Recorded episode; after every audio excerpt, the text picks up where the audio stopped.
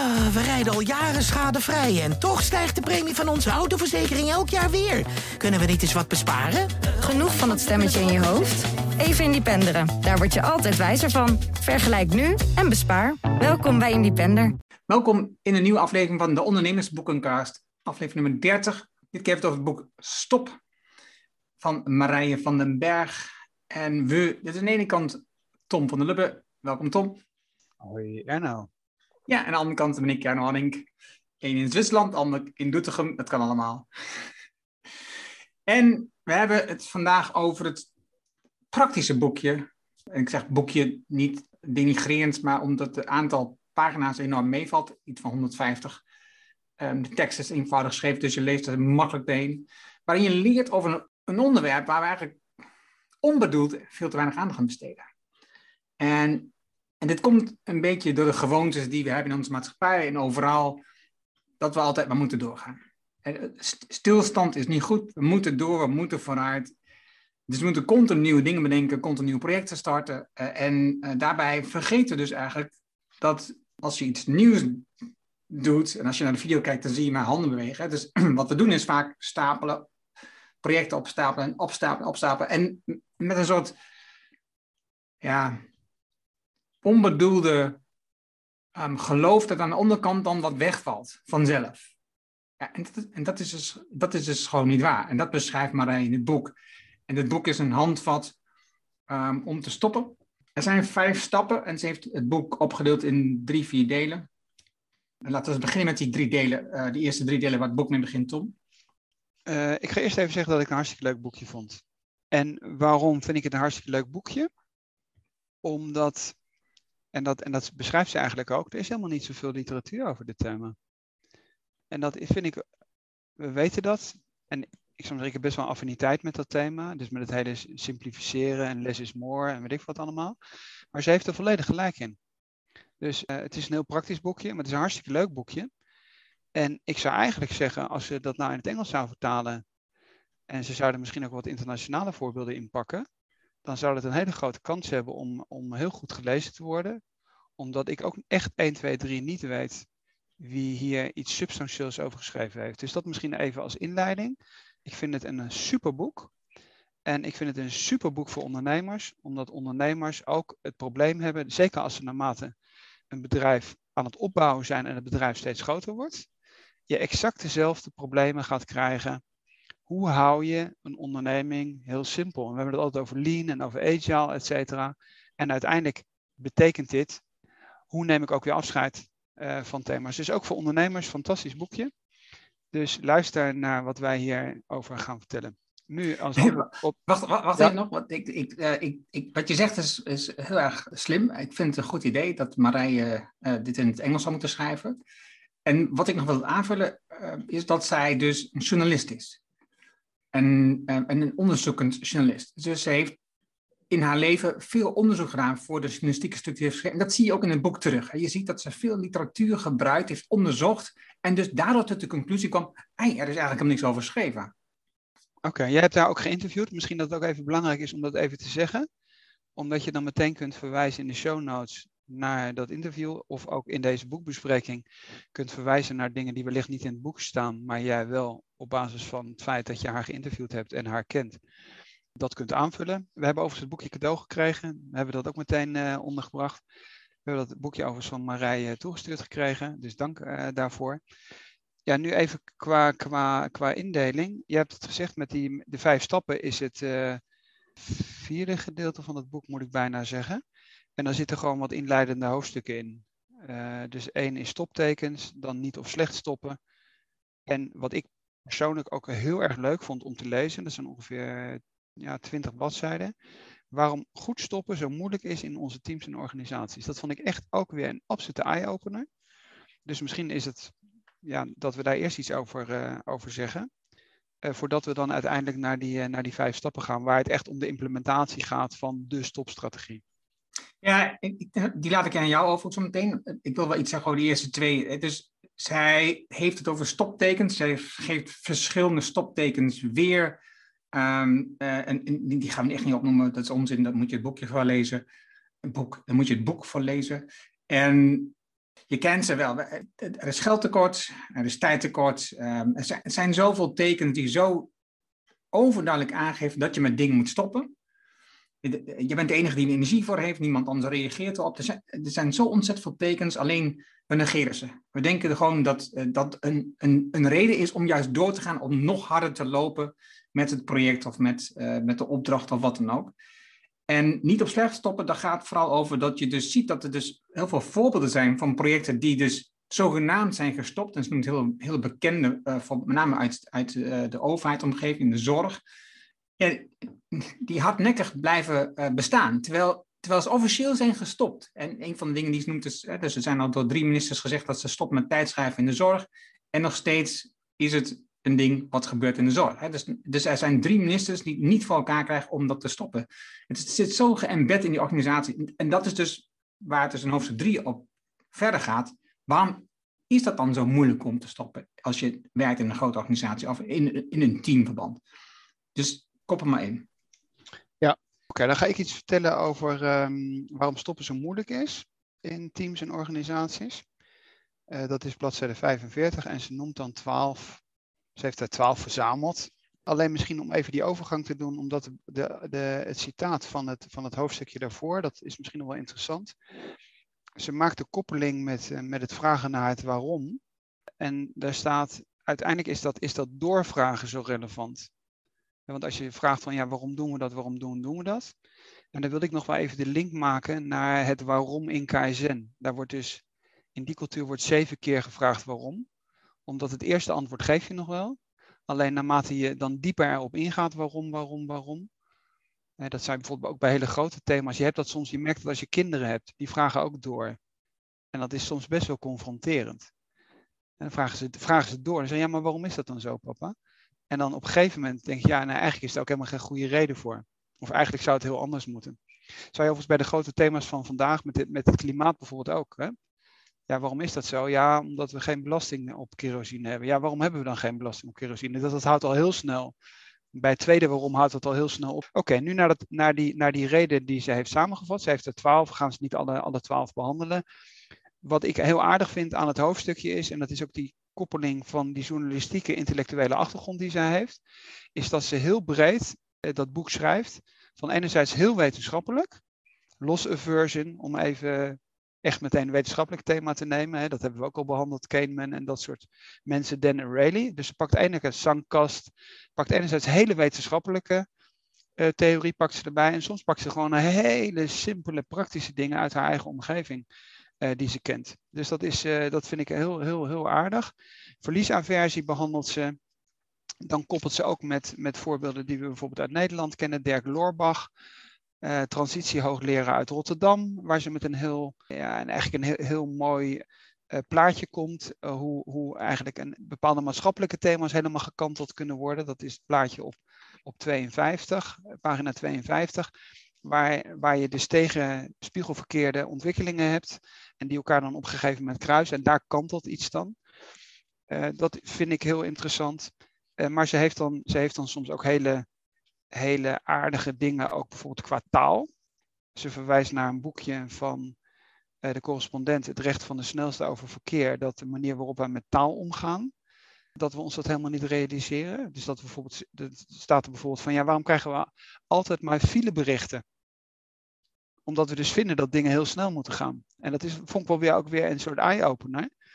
Dus nee, eigenlijk, eigenlijk bijvoorbeeld ook dat hele idee van de steden. Ja, waarom hebben eigenlijk auto's überhaupt dat recht straten te occuperen, die parkeerplaatsen plaatsen te bezetten, terwijl je eigenlijk gewoon die straat zou kunnen afsluiten, daar bloembakken zou kunnen neerzetten en in elke straat een soort speeltuin daarvan te kunnen maken. Dus ze pakt enerzijds hele wetenschappelijke dingen met hele simpele maatschappelijke vraagstukken, weet ze te combineren. Dat maakt het heel leuk. En wat ik ook wel aardig vond is, en dat vond ik eigenlijk het meest extreme voorbeeld, Abbey Lane paradox. Ik kende het eerlijk gezegd niet. Daar, daar verwijzen naar, naar een wetenschapper, 74, dat mensen als het snikhees allemaal gaan uit gaan eten en met een, met een een of andere oude auto ergens anders naartoe rijden. Dat is bladzijde 51. En dan, en dan gaan ze naar naartoe, zijn uit eten geweest, rijden op een gegeven moment weer terug zitten uiteindelijk dan weer op die snikhete veranda, kijken elkaar aan en, en zeggen van ja, waarom zijn we er eigenlijk überhaupt naartoe gegaan? En iedereen geeft aan dat ze eigenlijk niet wilden, maar naartoe zijn gegaan naar dat restaurant op zoveel uh, kilometer afstand, omdat ze dachten dat iemand anders het wilde. Nou, je hebt daar wel andere voorbeelden voor, ook met het broodje, dus met je partner. Dat je altijd de ene kant van het broodje aan je partner geeft, omdat jij denkt dat zij of hij de bovenkant wil hebben. En dan kom je erachter dat het helemaal niet zo is. Maar die Abby Lane paradox vond ik eigenlijk ook wel interessant. Om ook weer aan te geven dat er misschien een hele hoop dingen in organisaties gebeuren. En daar noemt ze meer voorbeelden van waar eigenlijk mensen helemaal geen, uh, geen antwoord op kunnen geven. En het, en het praktische voorbeeld wat zij noemt is dat ze ergens bibliotheek overneemt. Uh, kinderen boeken uitlijnen, er staat er gewoon een grote boekenkast. En diegene die dat jarenlang beheerd heeft, heeft in een database bijgehouden welk kind welk boek heeft uitgeleend. Zij neemt die rol dus over van die bibliothecaris in die school en zegt, ja, waarom wordt het eigenlijk überhaupt daarbij gehouden? Gelukkig is die oude bibliothecaris is helemaal niet meer, die kan het antwoord niet geven. Want zij zegt, ja, uiteindelijk die kinderen komen met dat boek, brengen dat terug, zetten dat weer in het rek en een ander kind haalt het weer uit. Waarom zou ik dat in een database moeten zetten? Niemand kan daar eigenlijk een antwoord op geven. Maar in die database staat dus wel in die, over die afgelopen jaren dat die, welk boek die kinderen hebben, hebben, hebben uitgeleend. Het enige argument wat je nog zou kunnen geven is, als een bepaald boek steeds uitgeleend is, misschien moet je er dan twee of drie exemplaren van kopen. Hè, vul ik maar even aan. Maar er is een, een, een zee van voorbeelden uh, en het laatste wat ik even wil noemen is city marketing. Vond ik ook een briljant voorbeeld. Al die steden hebben city marketing. Van kom ook naar Leiden. Zij, zij woont in Leiden, kom ook naar Leiden. En dan zegt zij van, ja waarom doen we dat überhaupt nog? Bezoekers zijn eerder een last dan een lust. Woningen zijn onbetaalbaar door de grote vraag. Dus stoppen daarmee zou je zeggen. Zeker als dat van het belastinggeld gaat. Maar nee, we gaan door. En dan noemt ze een artikel uit het NRC in 2015, waarin Emmen men zegt van nee, nee, we hebben dat er eenmaal in geïmplementeerd, we moeten daarmee doorgaan. En wat, wordt, eh, wat gebeurt er dan? Ze gaan de doelstelling veranderen. Dus de doelgroep is nu de eigen inwoner. Het is niet de externe die Emma moet bezoeken. En het idee daarachter is, tussen aanhalingstekens, warme marketing. De inwoners moeten trots zijn op hun stad. Vervolgens kunnen zij als ambassadeur van de regio dat aan anderen uitdragen. Hoe goed Emma eigenlijk is. Ik vond het briljant. Dus dat misschien even als als inleiding, omdat het gewoon ook hartstikke leuk leest. En wat dat betreft de oogklappen, wat dat betreft van je ogen vallen. En wat ik nog bedacht is, ook hierin was dus heel vaak humor erin stopt. Het is, dus de, de voorbeelden zijn, zijn leuk, maar ook heel vaak aanvulling die ze doet. En dan zegt ze bij, ja, dit geldt niet voor mij. Of ja, dat heb ik ook. Of, uh, of bijvoorbeeld met haar eigen kind. Dus ze heeft heel veel persoonlijke dingetjes met humor. Ja, het moment had het over dat ze rust neemt. Dan ging ze iemand die gaat uh, haken of zo was het volgens mij. En dan zegt ze, ja, dat was ik dus. er, zit, er, heel veel verborgen humor in. Wat het, wat het ook zo af en toe zo'n lach op je gezicht, gezicht tovert. Ja, ik zat echt, ik zat echt, uh, ik heb het gisteravond, ik bedoel, ik, ben, heel vaak het boek de avond ervoor. Mijn, uh, mijn, vriendin zegt altijd van, oh jee, het is weer stress, boeken uitlezen. Maar ik zat gewoon echt met een brede glimlach, zat ik gisteravond op de bank, me echt helemaal kapot te lachen over dit soort dingen. Uh, omdat, het, omdat je denkt, ja, is er nou helemaal niemand die daar aan de bel trekt en zegt, jongens, laten we in hemelsnaam met die ellende ophouden. Kunnen we het niet ergens beter aan besteden, zou ik maar zeggen. Maar dat is dus blijkbaar hartstikke lastig.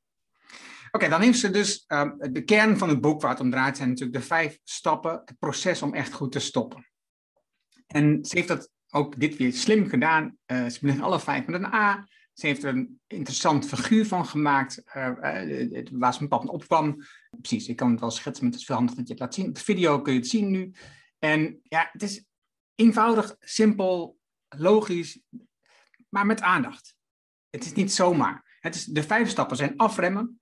Wacht even, ik kan, het, ik kan het wel even zeggen, want dan doe ik het even met het plaatje. Het is afremmen, dan achterom kijken, dan afscheid, dan afleren en dan afronden. En ze maakt er een soort loop van. Dus dat is op zich, ze heeft dat gewoon hartstikke leuk. Uh, ook dat heeft ze weer hartstikke leuk en goed gedaan. En als dat bijvoorbeeld een Amerikaans boekje zou zijn, dan zou iedereen dat natuurlijk wel briljant vinden. Want een beetje Simon Sinek-achtig. Uh, die humor die erin zit ook. Dus nogmaals dit advies. Hè? Marije, maak er een Engelse vertaling van. Uh, doe er wat mee. Ik weet alleen nog niet hoe je die vijf begrippen die in het Nederlands allemaal met een A beginnen. Maar dat, dat, dat los je ook nog op.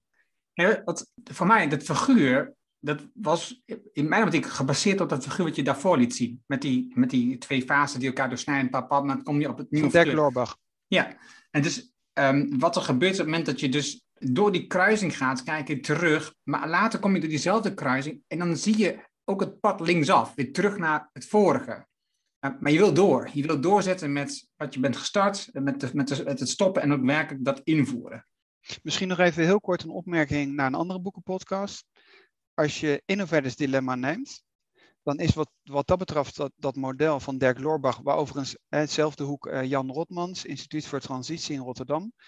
Dus dat je, dat je enerzijds start je iets, hè, je experimenteert. Dus bijvoorbeeld dat model waar, waar, eh, wat ik al even had laten zien. Beneden begin je met iets anders te experimenteren en iets anders, dat, dat, dat ben je aan het afschalen. Dus wat dat betreft is dat ook wel weer een aardige link naar uh, alles wat met innovatie te maken heeft. De oude BCG-matrix, waar, je, ja, waar je dus gewoon nieuwe dingen moet ontwikkelen en waar oude dingen gewoon moeten uitlopen. En dat, dat doet zij dit, dit modelletje eigenlijk ook. Nou ja, het afremmen, dat is eigenlijk stap nummer één.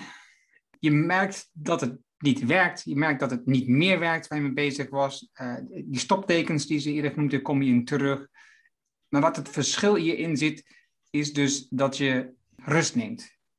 Je, je neemt moment van aandacht voor um, wat is er precies gaande en wat zijn alle um, connecties die er zijn. Uh, dus, dus je neemt een moment van rust en wat ze, geeft dan verschillende voorbeelden van mensen die dus dat doen, die dat goed doen, doordat ze bijvoorbeeld kijken, doorvragen, oké, waarom gebeurt het eigenlijk?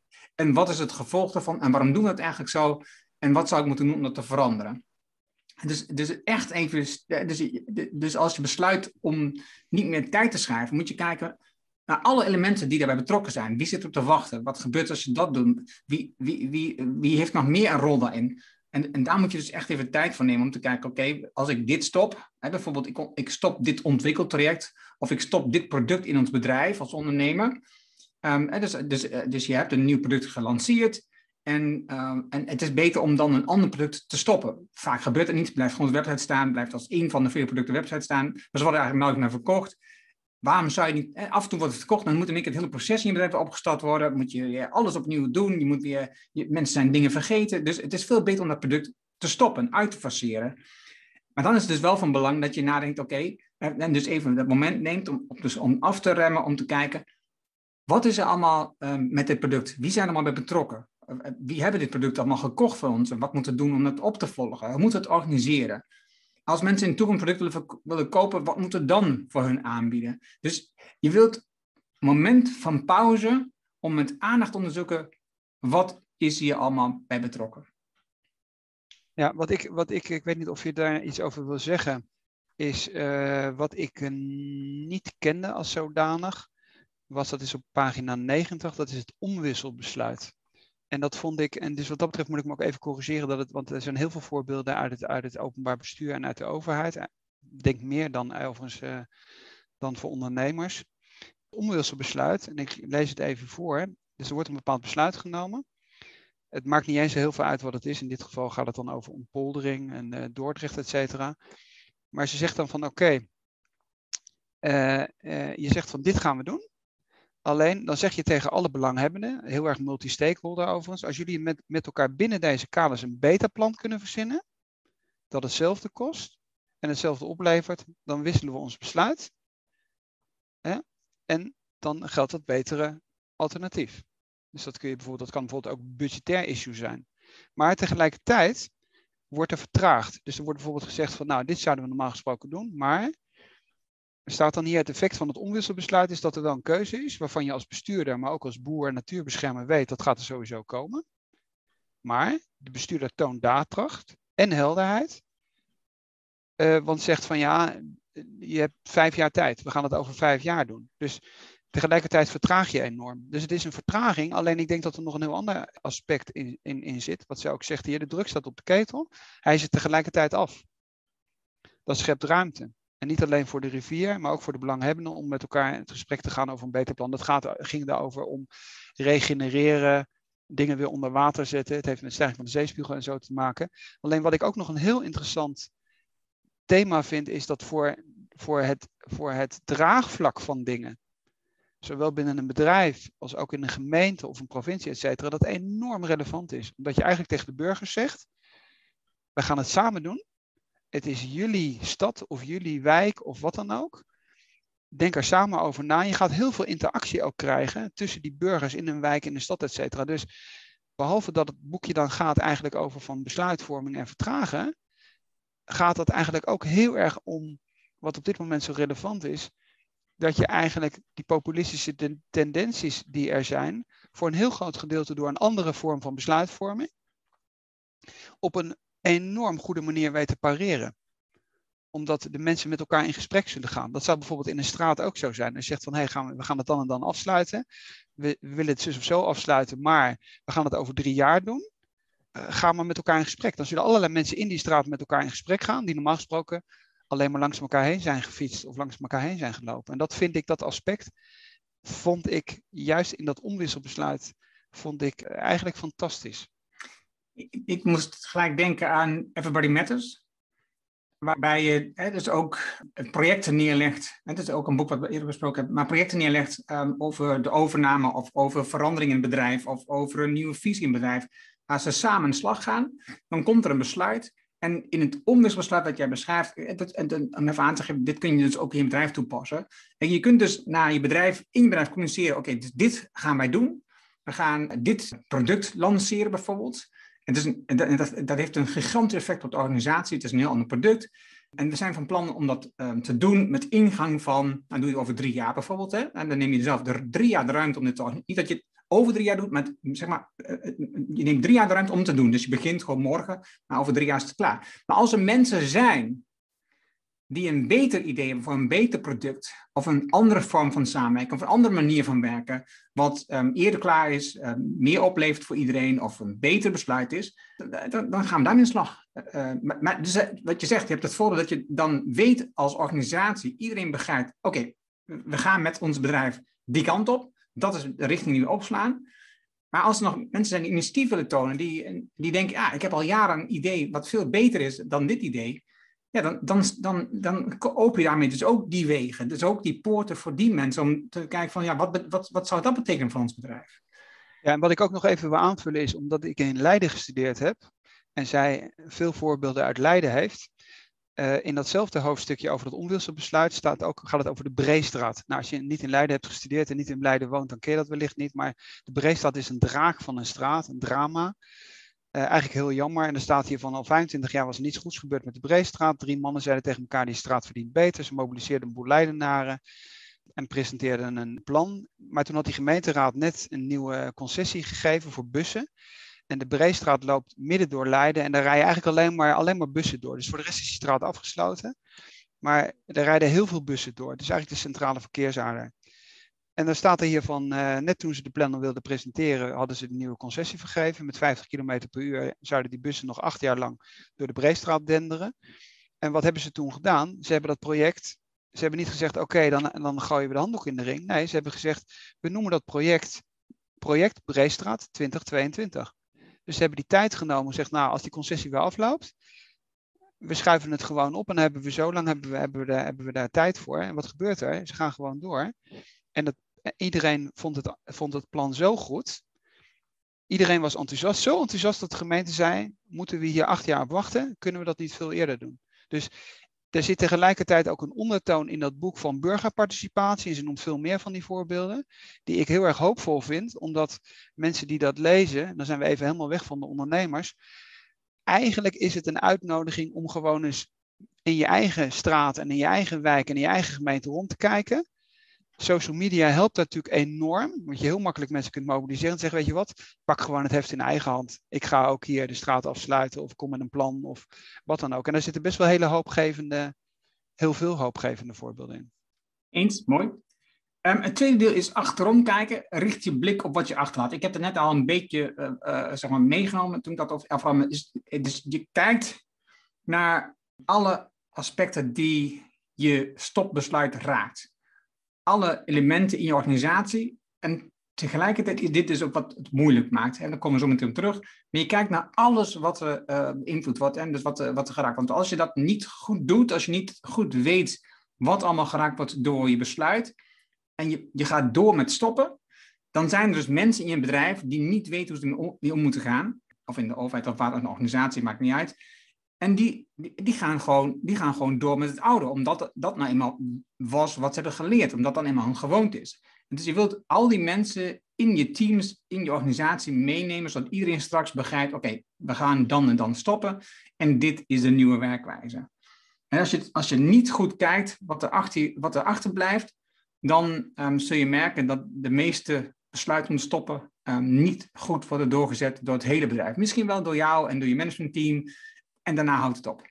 Het tweede is, uh, of het derde deel is het afscheid, de kracht van rituelen. Misschien nog, misschien nog even een hele korte opmerking. Ja, wij linken, wij linken natuurlijk heel vaak ook naar andere podcasts. Het aardige is, ik, ik hoop dat ik nu in het juiste stukje sta.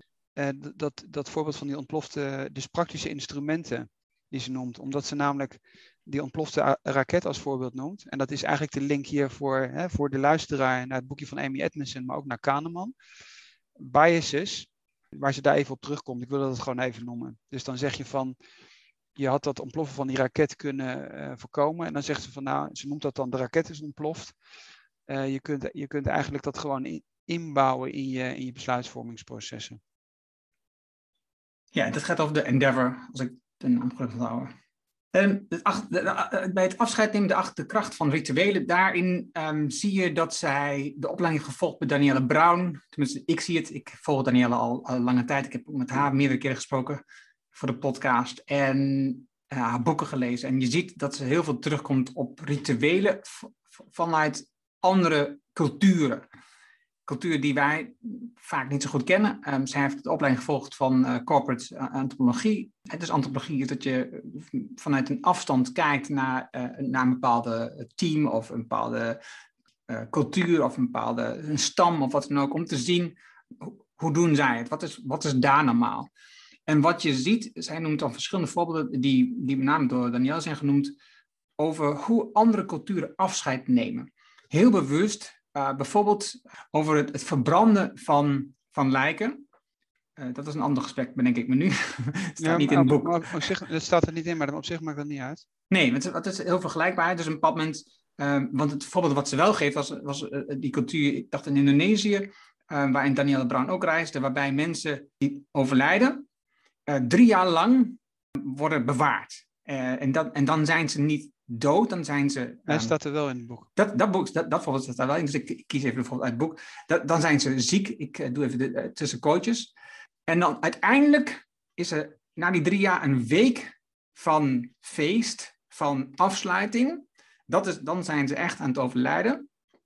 Waarbij dan met de community, met de gemeenschap wordt gekeken, oké, hoe verdelen we eigenlijk de inboedel? Hoe verdelen we de rechten die personen? Wie heeft nu um, recht van spreken? Um, wie is nu de baas in het gezin? En, en dat wordt gevierd. Hè? Dus, dus het afscheid van, van het eind van het leven, het stoppen van het leven, wordt heel bewust gevierd in deze uh, culturen. En ik, ik vind ook, en ik heb het al eerder over gehad, is dat in, in onze westerse cultuur he, hebben we het eigenlijk weinig over de dood. Het is in maar in dat soort culturen wordt, is dood veel meer onderdeel van het leven. Terwijl we hier heel onbewust wel weten dat we doodgaan. Op het moment als iemand overlijdt in onze gemeenschap eh, nabij, dan staan we een moment stil en realiseren ja, wacht even, het leven is echt eindig. Laten we wat veranderen. De volgende dag ren je weer net zo hard in die red race mee en is het weer voorbij, al die gedachten die je had over wat je anders ging doen. Maar in die culturen zie je dat de dood, en dat zie je, net bijvoorbeeld drie jaar lang zijn ze ziek, dan een week lang wordt het gevierd het is een, week lang ben je niet bezig met je werk en de red race en, het, en, en de tuin schoonmaken en, het landbewerk, maar ben je bezig met het afscheid nemen van een persoon. Nou, en dat is wat er gebeurt is als je rituelen ontwikkelt in je bedrijf, om ook bewust afscheid te nemen van een project, van een opdracht, van een klant, van een directeur. Ze heeft een paar een voorbeeld van, van een, een, een oprichter die, die al weg is, maar eigenlijk nog heel erg aanwezig in het bedrijf is daar kun je gewoon met elkaar gewoon heel bewust afscheid van nemen. En daar moet je een ritueel van maken, zegt zij. Want, want dat maakt het afscheid nemen makkelijker. Er mag ook een traan vallen, er mag ook gehuild, dat is geen probleem. Want dat is het moment wat je er samen voor gecreëerd hebt. En we hebben verschillende elementen, eh, momenten, hè, de Polonaise en uh, samen dansen. Er zijn heel veel, maar het stoppen, daar mag meer aandacht zijn dat je daar ook een ritueel verbouwt in je bedrijf ik op zich nog wel interessant vond om daar even uh, op uh, aan te vullen, wat zij bijvoorbeeld noemt is als bijvoorbeeld eh, bedrijven vroeger een hele andere insteek hadden. En ik zat bijvoorbeeld spontaan even aan Shell te denken. Zegt ze, of, of ze schreef over een voorbeeld van een, een start-up wat een hele sterke macho-cultuur had. dan zegt ze van ja, nou, als dat nou heel erg dominant is, dat krijg je helemaal niet zo snel uit. En dan moet je die symboliek moet je oppakken. Dus ik zeg maar even, je hebt een of andere, je hebt een of andere groot bedrijf wat heel erg masculien, ouderwets gevoerd is. Dan schrijft zij hier, het schilderij uit de kantine werd met een kettingzaag in stukjes gesneden. Iedereen kreeg een stukje mee naar huis. En ze zijn, hebben een, trip gemaakt naar Antwerpen waar ze de riolen in zijn gegaan.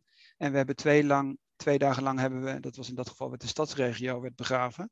En toen was het klaar. Dus, dus dat wordt best wel bloemig allemaal verteld. Maar dus blijkbaar is het voor ons ook emotionaal, emotioneel vaak lastig om afscheid te nemen. Wat je natuurlijk in de Europese cultuur wel ziet, is dat je natuurlijk via, via het geloof vroeger dat wel heel erg sterk had. Hè? Er werd natuurlijk nog gebeden voor de, voor de familieleden die in het verleden uh, overleden waren, de rozenkrans, weet ik veel wat allemaal, hè, voor de katholieken onder ons. Dus, eh, dat, en dat is natuurlijk door die ontkerkeling, uh, die secularisering van, van onze samenleving, is er best wel veel verdwenen. Hè? Of de, de crucifix uh, van, van Jezus die in, in natuurlijk een hele hoop woonkamers hingen, et cetera. En hoe, en hoe meer je natuurlijk dit soort, dit soort rituelen allemaal ontkleed. En mensen ook helemaal niet meer weten wat het is. Mensen weten ook helemaal niet waar feestdagen vandaan komen. die kunnen uh, niet, nauwelijks het verschil tussen kerstmis en Pasen uitleggen. Dus wat dat betreft is dat ook lastig. Dus die hele samenleving wordt ontkleed. Onze eigen samenleving wordt ontkleed. En dan grijpen wij dus heel vaak naar uh, de rituelen van allerlei stammen. Maar we hebben, als we naar onze eigen rituelen op zoek gaan, dan hebben we ze ook nog steeds met het, met het do doopsel en het huwelijk en, en de begrafenis, et cetera. Ja, en, en zij, in het begin van het boek heeft het ook over dode paarden moet je feestelijk begraven. Dat is een van de eerste quotes die ze, dan, die ze noemt in het boek. En dat is een quote van haarzelf overigens. En die past natuurlijk bij dit onderdeel. Hè? Dus het feestelijk begraven van het dode paard, van het project. Maar dan, dan, dan ga je door je, gaat niet linksaf terug in die cirkel uh, naar het oude. Nee, je gaat door, je zet door om echt te stoppen. Dus nu um, ga je aan de slag om uh, dingen af te leren. Om, uh, want, want, hier komt eigenlijk het moeilijkste deel van het werk. Hier, hier zit echt het meest lastige deel. Omdat het meeste wat je hebt, dat zijn allemaal gewoontes. Dat zijn manieren waarop je werkt. Wat, zo ingesleten is dat je niet eens in de gaten hebt dat je het doet. En ik heb het zelf al heel veel over gewoontes gehad. Dat zijn soort automatische beslissingen waar je niet heel bewust over nadenkt. En dat is, dat is wat hier gebeurt. En wat je dus wil, is dat je, je wil die gewoontes wil je stoppen. Maar dat, dat is heel ingewikkeld. Iets nieuws aanleren is al lastig. Hè? Dat, dat kost tijd. Als je een nieuwe gewoonte ontwikkelt, dan ben je zo um, ehm, 60 dagen verder. Uh, afhankelijk van wat soort gewoonte het is, uiteraard. Maar iets afleren, dat is veel ingewikkelder dus op het moment dat je niet iets vervangt wat je wil afleren door iets nieuws, dan ben je eigenlijk de hele tijd aan het concentreren op wat je gaat afleren. En dat betekent dat je dus de hele tijd de aandacht houdt bij datgene wat je wilt stoppen. En niet alleen dit, als je dan kijkt naar een bedrijf of een organisatie of een overheid wat groter is. Dus als je in je eentje zou zijn, dat geeft ook het voorbeeld, als je in je eentje bent als een soort kluizenaar, en dan is het nog best wel goed te doen. Dan kun je best nog wel iets afleren. Dan kun je een nieuwe gewoonte ontwikkelen. En dan kun je zeggen, ja, ik stop na mee. En dat is gewoon een keuze die je zelf maakt. En dat ga je morgen invoeren. Of nog vandaag zelfs. Maar als je al in een gezin zit met vier, vijf mensen. Ik merk het bij mezelf. Hè, dus ik ben al een tijd bezig om, om, om te zorgen dat ik meer plantaardig eet. Maar ik zit in een gezin. En daarin wordt gekookt. En ik ben niet zo van, we gaan allemaal verschillende potjes koken voor iedereen die wat anders wil. Nee, we hebben gewoon één, één pot waarin we dus dingen koken. Of meer, pannen, in ieder geval, we hebben één maaltijd die we koken. Ja, en dat, is, en dat is niet altijd gebaseerd op meer dierlijk. Want onze kinderen, eh, die kijken heel anders daar tegenaan dan ik dat doe. Dus, dat, dus ik kan wel een besluit nemen. Maar het stoppen is, is wel even wat anders. Nou, datzelfde geldt in een bedrijf. Dus moet je voorstellen, als je een bedrijf hebt met, met, met veel verschillende afdelingen, die werkt rondom bijvoorbeeld een verslaglegging die je doet uh, die volgens iedereen de um, CEO nodig heeft om, uh, om keuzes te maken voor de toekomst van het bedrijf. ja, die ga je niet maar zo uit het bedrijf lopen. Er zijn een heleboel bedrijven, of, uh, afdelingen en mensen die die procedure gewend zijn, hoe dat werkt. Die dat, die dat een routine hebben gemaakt in hun... elke vrijdag draai ik een rapport uit. Dat, dat zit in het systeem, dat kan je niet zomaar weghalen. En dus, dus deze stap, dat is de moeilijkste stap in, in haar um, vijf stappen. Dit is echt een hele ingewikkelde stap, waarbij je echt goed moet doorzetten en volhouden. Um, niet alleen bij jezelf, maar ook als jij dit proces leidt als stopper. Dat je continu mensen aanspreekt op het feit dat ze ermee doorgaan en waarom dan? En wat zit er dan achter? Dat je ze helpt om die stap te maken om ook werkelijk met dat proces te stoppen. Ja, wat, wat ik nog wel interessant vind is wat uh, de, in, het boekje zit uh, 153, Double Loop Unlearning.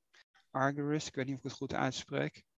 Dus dat je eigenlijk op een soort metaniveau gaat. Dus het voorbeeld wat hier genoemd wordt is als je elke dag een lekke band hebt, dan is dat de eerste orde. Elke dag mopperend je band plakken. tweede orde is dan onderzoeken hoe het komt dat, dat je elke dag een lekke band hebt. Nou, dat is misschien een beetje een banaal voorbeeld. Maar als we bijvoorbeeld het even breder trekken, ook in onze podcast. Dat hele idee van groei, daar is een vraagteken achter te zetten. Of maximaliseren van je winst, een vraagteken achter te zetten. Korte termijn focus, vraagteken achter te zetten. Dus dat voorbeeld wat zij ook noemde met, ja, waarom is eigenlijk de straat van de auto? En waarom moet altijd alles steeds sneller? En zouden dingen niet langzamer moeten? Er zit overigens ook een, een, stapje, uitstapje naar het boeddhisme en zo zit erin. dus je zegt bijvoorbeeld ook, als je, als je snel wil gaan, dan ja, ga langzaam. of als je snelle besluiten wil nemen. Dus dat, dat idee van, van altijd maar sneller en meer, dat, dat zit er ook wel een beetje als, als ondertoon. Eh, soms wat sterker, soms wat minder sterk in dat boek. En dat geldt natuurlijk voor een hele hoop dingen. Dus we zijn permanent maar op, op, uh, op een 180 kilometer snelheid bezig. Nemen eigenlijk helemaal nooit rust. En dat is natuurlijk met ook mobiele telefonie wordt het ook allemaal niet beter. Dus die zelfreflectie op een metaniveau te gaan en eigenlijk je af te vragen, waar, zijn, waar ben ik er in hemelsnaam mee bezig? Uh, als individu, privé, zakelijk, als bedrijf ik denk dat dat metaniveau en, en, die, en die mentale boxen waar we in zitten, of mentale modellen noemen ze het, die zelfreflectie, die, die wordt, denk ik, zeker in de toekomst nog veel belangrijker dan dat die, dan dat die op dit moment uh, is. Omdat we eigenlijk gewoon weten dat, dat, uh, dat de manier waarop we met een hele hoop dingen bezig zijn, uh, gewoon niet gezond is. Voor het individu niet, voor het bedrijf niet, voor de samenleving niet, voor een stad niet. Dus ik, ik, ik double loop unlearning wat ze zegt. Het is gewoon heel erg moeilijk om op dat metaniveau de boel, om, dat, om daar een vraagteken achter te zetten. Ja, en dan ga je door naar de laatste stap en ook eigenlijk de meest eenvoudige stap. Het enige wat het kost is tijd, is dat je gaat afronden, dat je werkelijk het werk stopt.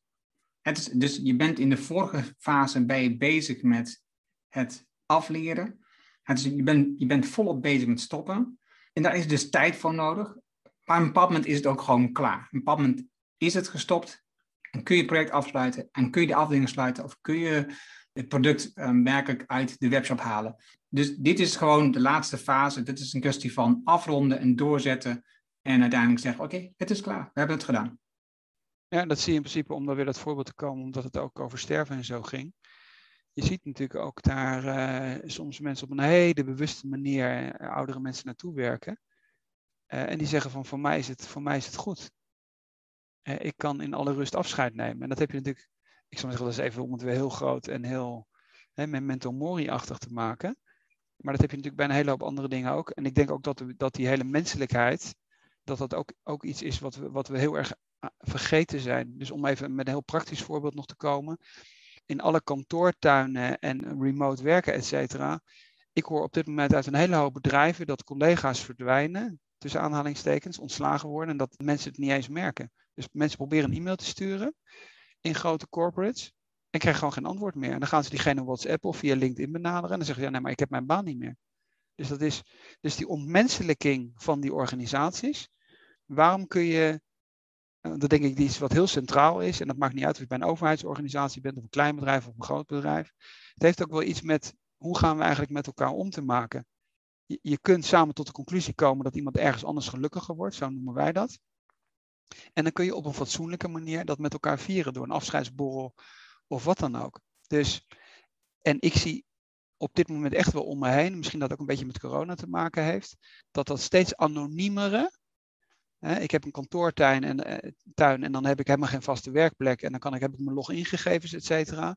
Het is een soort, dat is echt ook human resources. Ik ben voor een bepaalde tijd ben ik ergens en ik ben ook weer weg en ik weet het niet eens van, we weten het niet eens van elkaar.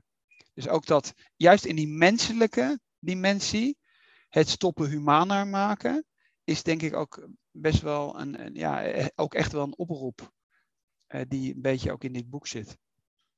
Ik ga hem afsluiten. Het is een, wat al een paar keer gezegd, het is een heerlijk boek.